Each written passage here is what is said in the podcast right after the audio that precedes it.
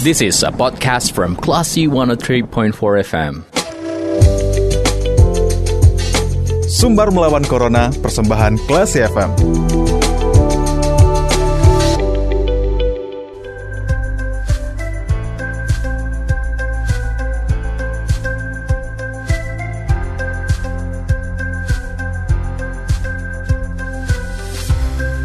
Seratus tiga empat Gelas FM Gelas People di Sumber melawan Corona bersama saya Lia Priyanka. Untuk kali ini kita akan ngobrol dengan Andi Riza, Koordinator Liputan Investigasi Masker Medis Palsu. Uh, jadi kita ingin ngobrol mengenai masker medis palsu yang katanya beredar di masyarakat. Seperti apa hasil investigasinya dan bagaimana sih sebenarnya kita membedakan uh, atau mengetahui masker medis itu layak atau tidak. Nah, kita akan ngobrol dengan beliau. Selamat sore, Bang Andi. Selamat sore, Mbak Lia. Uh, Bang Andi, gimana kabarnya? Sekarang posisi di sehat, daerah mana? Kasih. Lagi di daerah Saya, mana? kenapa? Lagi di mana nih, Bang Andi? Saya tinggal di Depok. Oke, okay, Bang di Andi. selatan Jakarta, oke. Okay. Oke, okay. Bang Andi, uh, Bang Andi kan katanya koordinator liputan investigasi masker medis palsu dan Bang Andi juga seorang jurnalis ya? Ya betul. Oke, okay. boleh diceritakan Bang Andi bagaimana awal uh, penelitian atau awal investigasi ini uh, sampai dilakukan? Oke, okay, saya kasih gambaran sedikit pada semua pendengar yang menyaksik, uh, yang menyimak acara ini. Jadi liputan ini berangkat dari uh, fakta bahwa banyak nakes di Indonesia yang berguguran selama pandemi COVID-19. Bahkan catatan ID pada Januari 2021 itu tenaga kesehatan yang meninggal di Indonesia tertinggi se Asia. Nah, uh, kami apa itu bertanya-tanya, uh, sebenarnya tenaga kesehatan itu kan orang yang paling mengerti protokol kesehatan, tapi kenapa kok banyak berguguran? Jangan-jangan ada yang ada yang apa itu salah di sini. Mm -hmm. uh, kami kemudian mencoba uh, bagaimana dengan alat pelindungnya. Alat salah satu alat pelindungnya adalah masker. Nah, kemudian kami menemukan beberapa fakta-fakta uh, menarik yang uh, memicu kami untuk menelusuri lebih jauh, yaitu pertama adanya temuan masker palsu di RSPI Sulianti Saroso, ini rumah sakit besar di Jakarta yang menangani uh, pasien COVID Nah, berangkat itu dari kapan, sana. Kapan itu, Bang Andi? Januari juga. Januari ya. Januari 2021. Pertama kali uh, ditemukan atau diketahui ada masker palsu. Sebenarnya kasus penemuan masker-masker palsu itu sudah beberapa kali sebelumnya. Tapi yang kasus di RSPI ini uh, membuat kami tergerak untuk bergerak lebih jauh karena apa? Karena ini yang yang diterima oleh nakes di sana adalah masker merek 3M. 3M itu produksi Amerika yang uh, kita tahu bahwa masker ini terkenal di kalangan medis, di kalangan tenaga medis. Nah, jangan-jangan ini merek terkenal aja dipalsukan. Bagaimana dengan merek-merek yang lain? Uh, kemudian kami mencoba untuk mencari tahu lebih jauh. Kita membeli masker-masker yang disebutnya sebagai masker medis, yang disebut, pedagang, disebut distributor sebagai masker medis, kita membeli di pasar pramuka, di kantornya distributor, dan juga di toko online. Kemudian kami uh, penasaran, ingin menguji kualitas masker itu, ya kita kita mengujikannya di Laboratorium Kualitas Udara ITB Bandung, dan kami menemukan uh, fakta yang menarik bahwa semua masker yang kita beli, yang kami beli, itu tidak layak dipakai. Tidak satu pun. Tidak satu pun. Dari Karena dari merek yang terkenal tadi. Tidak hanya merek itu, merek lain pun ya. Oke. Okay. Jadi kami membeli 5 model masker sebanyak 50 pieces, 50 lembar masker yang kita ujikan dan tidak ada satupun yang layak. Artinya tidak ada satupun yang lolos uji. Ini uh, kategori layak di sini bisa dijelaskan, Bang Andi? Oke, okay. sebuah masker medis uh, itu disebut layak dipakai, paling tidak harus memenuhi tiga standar ini menurut para peneliti di ITB ya. E, pertama, dia harus lo lolos uji daya tekan. Daya tekan itu adalah e, keluar masuknya udara dalam masker ketika dipakai oleh penggunanya, sehingga penggunanya tidak merasa pengap, e, tidak susah untuk bernafas. Jadi kalau terlalu pengap maka tidak nyaman sehingga uh, para nakes ini cenderung tidak menggunakannya. Ya. Jadi uh, ya mak makin berbahaya kalau dia tidak menggunakan itu. Kemudian eh, indikator kedua adalah filtrasi terhadap bakteri. Ini juga harus uh, sesuai dengan standar yang ditetapkan. Nah, kita kalau ngomong standar, tiap negara punya standar yang berbeda-beda. Amerika punya standar, Eropa punya standar, Cina punya standar, Korea punya standar, kita pun punya standar. Nah, nama standarnya juga beda-beda. Nanti saya jelaskan kalau memang ada obrolan eh, soal standar ya. Oke, yang ketiga, parameter ketiga adalah uji partikel. Nah, dia nggak boleh, kalau disebut N95, standar N95, dia tidak boleh di bawah 95 persen uh, kemampuan filtrasi terhadap partikel kecil itu. Nah, ini uh, kalau dalam uji beta tekan semuanya nggak lolos. Oke. Okay. Uji filtrasi terhadap bakteri ada satu yang uh, tidak lolos. Kemudian uji terhadap uh, partikel kecil juga ada satu yang nggak lolos. Jadi dari tiga parameter ini, jika ada satu yang nggak lolos uh, uji, maka uh, masker itu tidak layak dipakai. Dia harus lolos semua parameter pengujian. Oke. Okay. Tadi belinya itu langsung ke distributornya atau via online atau seperti apa Bang Andi?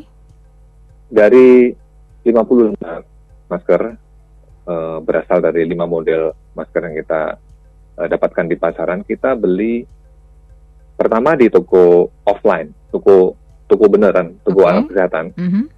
Yang kedua di toko daring, toko online. Okay. Yang ketiga dari salah satu kantor distributor di Jakarta. Kita beli juga ke sana. Oke. Okay. Nah, dari hasil Jadi dari tiga ya, sumber itu. Dari tiga Gimana? sumber itu ternyata kan semuanya semuanya uh, ternyata dinyatakan semuanya tidak, tidak layak, layak begitu ya. dipakai.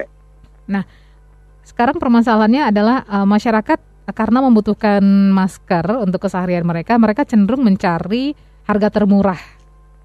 Dan ya. cenderung mencari toko-toko baik itu uh, offline ataupun online yang bisa memberikan jumlah banyak ya. dengan harga yang paling murah. Berarti ya, ini ada resiko besar yang harus ditanggung kalau hal ini terus kita lakukan, Bang Andi.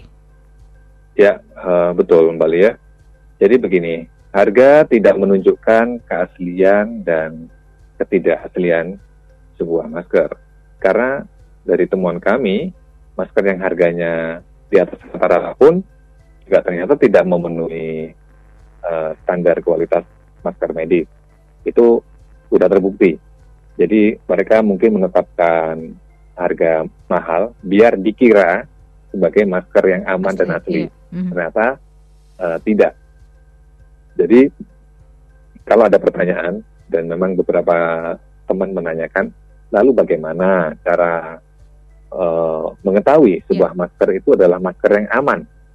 Dan asli, yeah. dan tanda kutip asli. Nah, caranya pertama, kalau kita beli secara langsung di toko da, toko offline, toko benar-benar toko fisik ya, mm-hmm. kita akan melihat masker itu ada dalam kemasan box. Di dalam kemasan box biasanya ada kode yang namanya AKL yang hmm. kepanjangannya adalah alat kesehatan luar negeri. Kalau itu maskernya masker impor. Okay. Kemudian AKD alat kesehatan dalam negeri. Kalau itu maskernya masker produksi dalam negeri. Ini Diikuti 11 di digit angka. Tercatat di kotaknya. Di kotaknya. Okay. Betul. Nah, kalau ada kode itu berarti dia memang masker medis yang sudah melalui proses di Kementerian Kesehatan. Oke. Okay. Oke, okay, itu satu. Yang kedua, kalau kita ingin melihat dia terdaftar atau tidak, kita memasukkan merek masker itu ke uh, website ke laman uh, Kementerian Kesehatan, mm-hmm. yaitu infoalkes.kemenkes.go.id. Oke, bisa diulang, nah. Bang Andi, infoalkes? infoalkes.kemenkes. Oke. .go.id. Oke. Okay. Yang kita ya. masukkan adalah merek si uh, masker ini. Merek merek masker yang bersangkutan. Ya? Oke, okay, baik. Kalau ada berarti dia terdaftar di Kementerian Kesehatan. Kalau tidak berarti dia bukan termasuk masker medis. Nah, itu cara cara apa ya yang bisa ditempuh oleh masyarakat untuk memastikan masker dia aman atau tidak.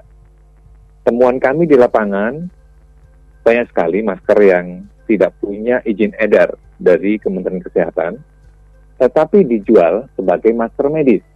Oke. Tetapi dijual sebagai masker medis. Ini yang membingungkan masyarakat.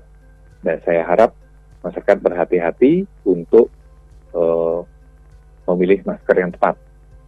Lalu ada pertanyaan, kenapa sih uh, harus pakai masker medis? Memang masyarakat uh, masyarakat luas yang tidak uh, tinggal di tempat yang tingkat penularannya tinggi, uh, menggunakan masker yang bukan medis pun tidak masalah.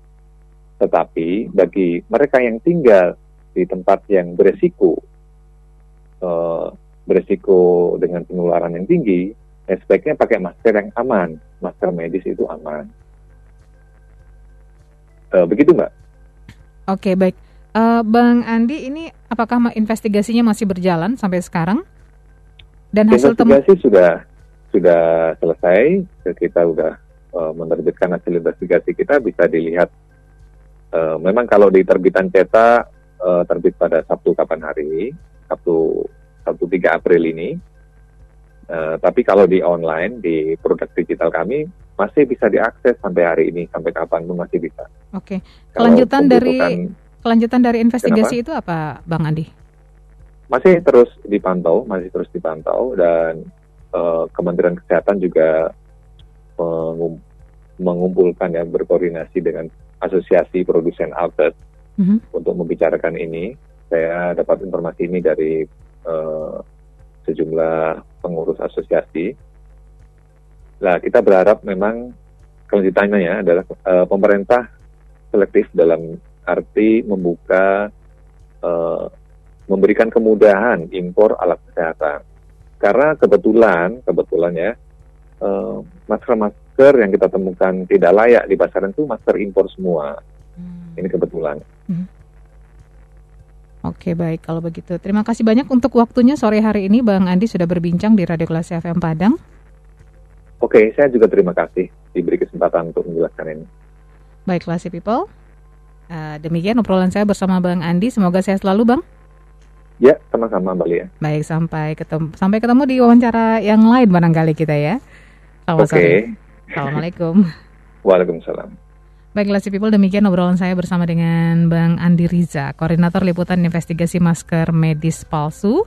Dan untuk uh, kita sebagai masyarakat gitu ya, uh, agar lebih berhati-hati lagi untuk memilih masker yang akan kita beli dan akan kita gunakan sehari-harinya agar masker yang kita pakai tersebut memberikan manfaat yang sangat efektif dan optimal untuk mencegah kita tertular dari berbagai penyakit. Saya Lia, kita ke program selanjutnya. Terima kasih. Anda sudah mencermati program Sumber Melawan Corona. Cermati podcast obrolan ini di www.classfm.co.id atau download aplikasi Classy FM.